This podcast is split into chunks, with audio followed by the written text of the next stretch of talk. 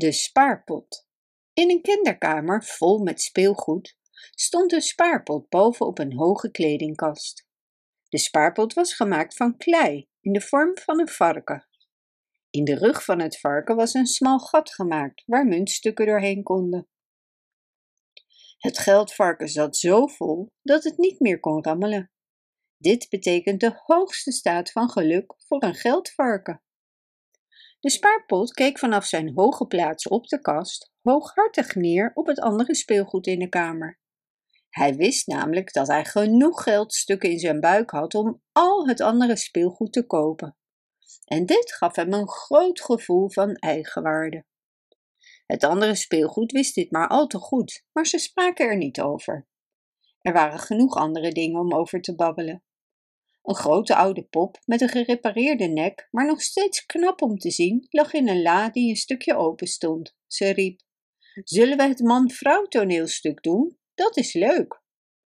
Meteen ontstond er een luid tumult in de kinderkamer.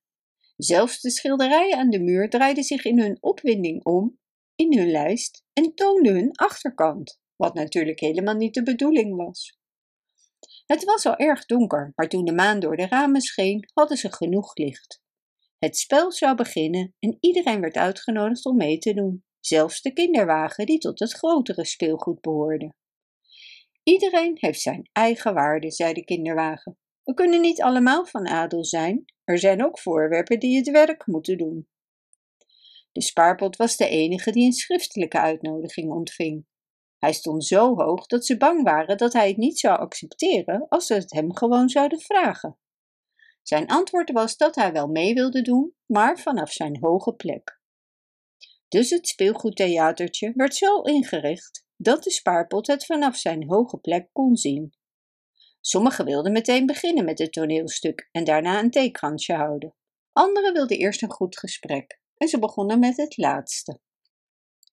Het, het hobbelpaard vertelde over zijn training en wedstrijden. De locomotief vertelde over zijn stoomkracht. De klok hield zich bezig met politiek. De bamboestok stond erbij en zag er stijf en trots uit met zijn koperen ring en zilveren blad. En op de bank lagen twee geborduurde kussens. Mooi, maar dom. Toen het toneelstuk in het kleine theater begon, zat de rest toe te kijken. Ze moesten het laten horen als ze tevreden waren over wat ze zagen, met een applaus, gestamp of gekraak. De rijzweep zei dat hij nooit voor oude mensen sloeg, alleen voor jonge mensen die nog niet getrouwd waren. Ik kraak voor iedereen, zei de notenkraker. Maar niet al het publiek was blij met zijn harde gekraak. Het acteerwerk was goed. Alle acteurs lieten hun geschilderde kant aan het publiek zien, want ze waren gemaakt om slechts aan één kant gezien te worden. De pop met de gerepareerde nek was zo opgewonden dat de plek in haar nek weer stuk ging. De spaarpot verklaarde dat hij iets voor een van de spelers wilde doen, omdat ze hem allemaal zo blij hadden gemaakt. Dus besloot hij een van hen in zijn testament te vermelden, mocht hij te komen overlijden, en hij mocht mee begraven worden met hem. Ze genoten zo van het toneelstuk en gingen er zo in op dat ze het theekransje helemaal vergaten. Al die tijd dacht iedereen het meest aan zichzelf, of aan wat de spaarpot er wel niet van zou kunnen denken. De spaarpot dacht het meest aan zijn testament en zijn begrafenis, en wanneer dit zou gebeuren. Het gebeurde eerder dan hij had verwacht, want ineens wankelde hij op het randje van de kast, viel op de grond en brak in stukken. Alle geldstukken huppelden toen in vrijheid over de vloer. De kleintjes draaiden rond en de grotere muntstukken rolden zo ver weg als ze konden.